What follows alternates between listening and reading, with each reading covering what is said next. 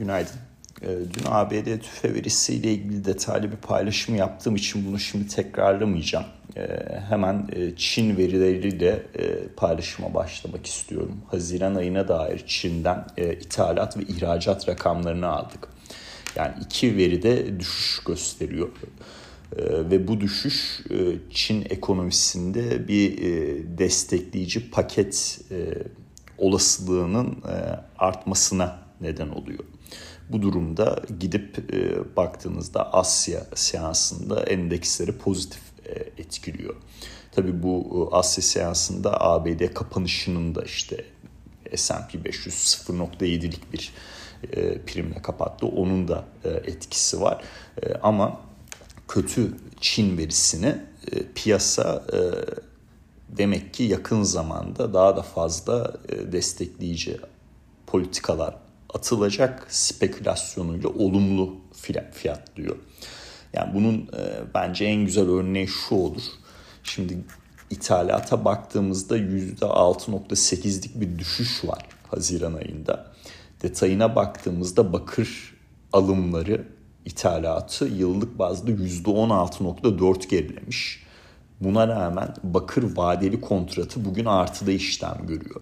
Normalde böyle bir şey olmasını beklemezsiniz. Bunun altındaki neden işte o spekülasyon, e, yeni destek adımları gelecek, e, ekonomi daha da canlanacak. O yüzden bunu önceden fiyatlıyorlar.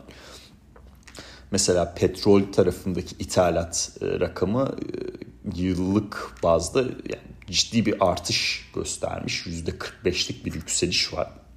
Yani demek ki e, bu noktalardaki petrol fiyatlarını e, Çin tarafı e, biraz daha stok arttırma e, manasında düşünüyor olabilir. Alımları o stratejiye dayandırarak yapıyor olabilir. Tabi stok verilerine de bakmamız lazım. Şu anda ezbere konuştum.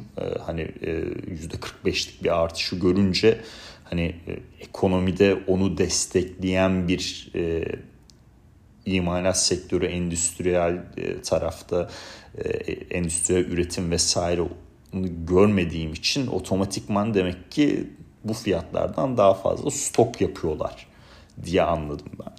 E, demir cevherinde de mesela artış olmuş. Gene ithalat rakamında %7.4'lük bir artış durumu söz konusu. Yani e, speküle ediliyor.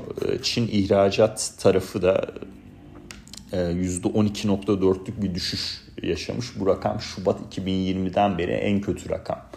E, bu global ekonomi tarafını da yansıtıyor. E, orayı da anlamamıza biraz daha neden oluyor. Yani Çin ihracatının ağırlıklı ürünler bazlı olduğunu düşünürsek %12.4'lük yıllık düşüş bizi ne noktaya taşıyor? Mesela dün ABD tüfe verisi içinde ürünler yani çekirdek ürünler enflasyonunun 1.3'e gerilediğini gördük. E, bu birbiriyle biraz bağlantılı bir e, yapıda. Çin'in üretici fiyatları endeksi yıllık bazda kaç aydır eksi rakamlarda deflasyon riski orada oluşuyor. Günün sonunda bu verilerin bize anlattığı şey konuşmanın başından beri muhtemelen altıncı kez diyeceğim şey e, ya bir paket yakın zamanda kapsamlı olacak bir şekilde bence açıklanacaktır diye düşünüyorum. E, tabii burada hani Ali Baba öncülüğünde Çin teknoloji şirketlerinin de ABD'de işlem gören hisseleri e, olumlu gitmeye devam edecektir. Yani bugün Hong Kong'da işte yüzde 2'nin üzerinde artıdaydı en son baktığımda. E, yani muhtemelen ABD seansında Ali Baba hissesi gene artı kapatır. E, bu tarafta yani hem Yalın'ın ziyareti hem e, işte e, Çinli regülatörlerin teknoloji sektörünü biraz daha rahat bırakıyor olması. Mesela Ant grubun o sürüncemede olan ceza sürecinin e, geçen hafta Cuma günü sonlanması bence çok önemli bir e, ayrıntı. Ee, böyle bir e, yapıda e, alımların bir süre daha devam ediyor olmasını ben açıkçası plan e, öngörüyorum. Bu şekilde düşüncemi paylaşıyorum. Bugüne geçecek olursak ABD tarafında üfe verisi açıklanacak. Haftalık işsizlik başvurularını alacağız. Şimdi bu taraf bence önemli. Dün enflasyon tarafında gördük ki disinflation yani ne demek? Bu enflasyon hızında düşüş yaşanıyor bir trendde ve bu trendin devam etmesini görmemiz lazım. Görmeye görmeye devam etmemiz lazım. Ee, üçüncü çeyrekteki enflasyon verileri çok önemli diye boş yere söylemiyorum. Ee, diğer taraftan istihdam piyasası. Yani istihdam piyasasında da ufak ufak bozulma yani arz talep dengesi oluşuyor. Ee, gidip e, en yakın zamanda açıklanan istihdam verilerine de baktığımız zaman geçen hafta mesela ADP 500 bine yakın bir artış gösteriyordu. Ondan sonra non-farm payroll 200 bin ne yakın bir artış gösterdi. Manşette böyle çok ciddi bir kötü gidişat yok. Ama haftalık işsizlik başvurularında yani eğer yukarı seviyeler işte 250'lerin 260'ların üzeri noktalar hatta 300 binlere yaklaşma gibi durum söz konusu olursa bunu piyasa e, Fed Eylül ayında faiz arttırmayacak ve hatta tüfe verileri bu trende devamlılığını gösterirse politika faizinde tavan noktaya ulaştık. Temmuz ayı toplantısındaki artıştan sonra söyleyebilirler. Bu yorumlar daha çok e, orta e, daha çok e, piyasada Ağustos ayında konuşulabilir arkadaşlar. Bu bizi nereye götürüyor? Reel getirilerde çok ciddi bir yukarı hareket olmaz. Neden nominal tahvil getirileri biraz daha sakin gidecektir. Yani gidip mesela tüfe verisinin en önemli fiyatlama vurgusu bence dün, dün tabii ki endeksler pozitif, altın pozitif, dolar endeksi negatif olarak algılandı ama ta, nominal tahvil getirilerinde sert bir düşüş yaşadık. ABD 10 yıllıkları da 2 yıllıkları da 10 bas puanın üzerinde düşüş gösterdi. Bu reel getirileri aşağı çekti. E, ben e, 10 yıllık reel getirilerin işte tahvil, e, nominal tahvil, 10 yıllık nominal tahvilin %4'ün üzerinde kapanış yaptıktan sonra bir miktar e, altın için ve endeksler için aşağı yönlü risk faktörü olabileceğinden bahsediyordum. Ama orada çok net bir şekilde geriye dönüş var. Yani 10 yıllık reel getiriler 1.8 seviyesine, %1.8 seviyesine çıktıktan sonraki bu ne demekti? E, Mart ayı e, seviyesinin üzerine çıkmıştık.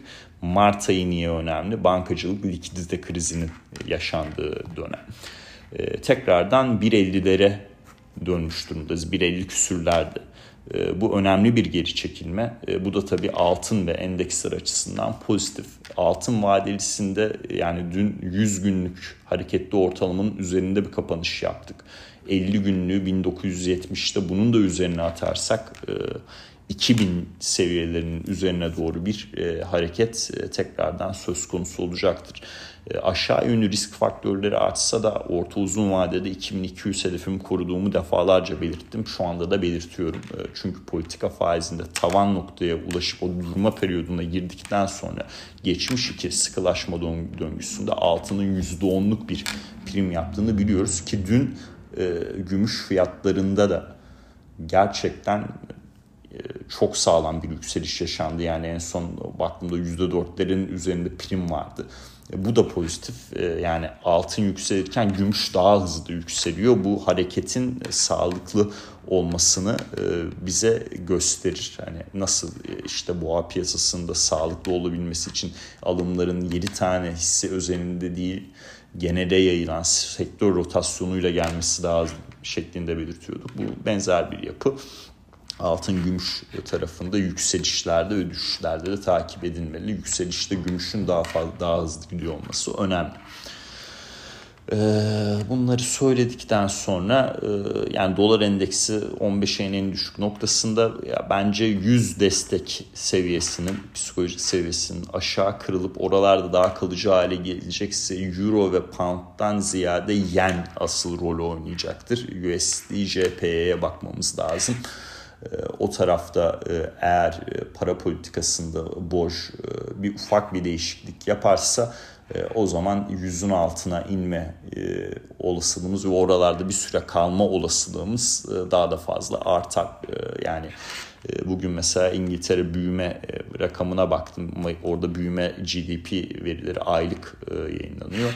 Mayıs ayında negatif açıklanmış bu e, enflasyonist durumun e, faiz artışlarının İngiltere'de büyüme üzerine e, önümüzdeki dönemlerde daha çok negatif yansıyacağını ve pound'a da bu bunun negatif etki edeceğini düşüncemde bir değişiklik yok. 1.30 üzerindeki rakamlar ne kadar kalıcı olur sorgulamaya devam ediyorum. Euro dolarda da yani 1.10 1.11 hedeflerim vardı Temmuz ayında. Bunun ikisine de çok hızlı bir şekilde ulaştık. Ben kısa vadede 1.12 1.12.50 e, bölgesinin e, çok kolay kolay geçileceğini zannetmiyorum. E, takip edeceğiz ekonomik verilerle beraber. Hisse senetleri tarafında bugün Delta Airlines'ın bilançosu açıklanacak. Bu havacılık sektörü açısından önemli. Havacılık yani son bir aydır oldukça iyi gidiyor. Bizim 23 hisselik listede de American Airlines var. Dün tüfe verisinde uçak biletleri fiyatlarının gerilediğini gördük. E, bu bir miktar sektöre negatif yansıdı. E, ama bilançolarla beraber e, tekrardan bir yukarı yönlü bir hareket yaparlar diye düşünüyorum açıkçası. Takipteyim. PepsiCo bilanço açıklayacak. Bu da bu 23 hisselik listemizde olan bir isim. Seans öncesi bilançosu gelecek. Pozitif görüşümü burada koruyorum.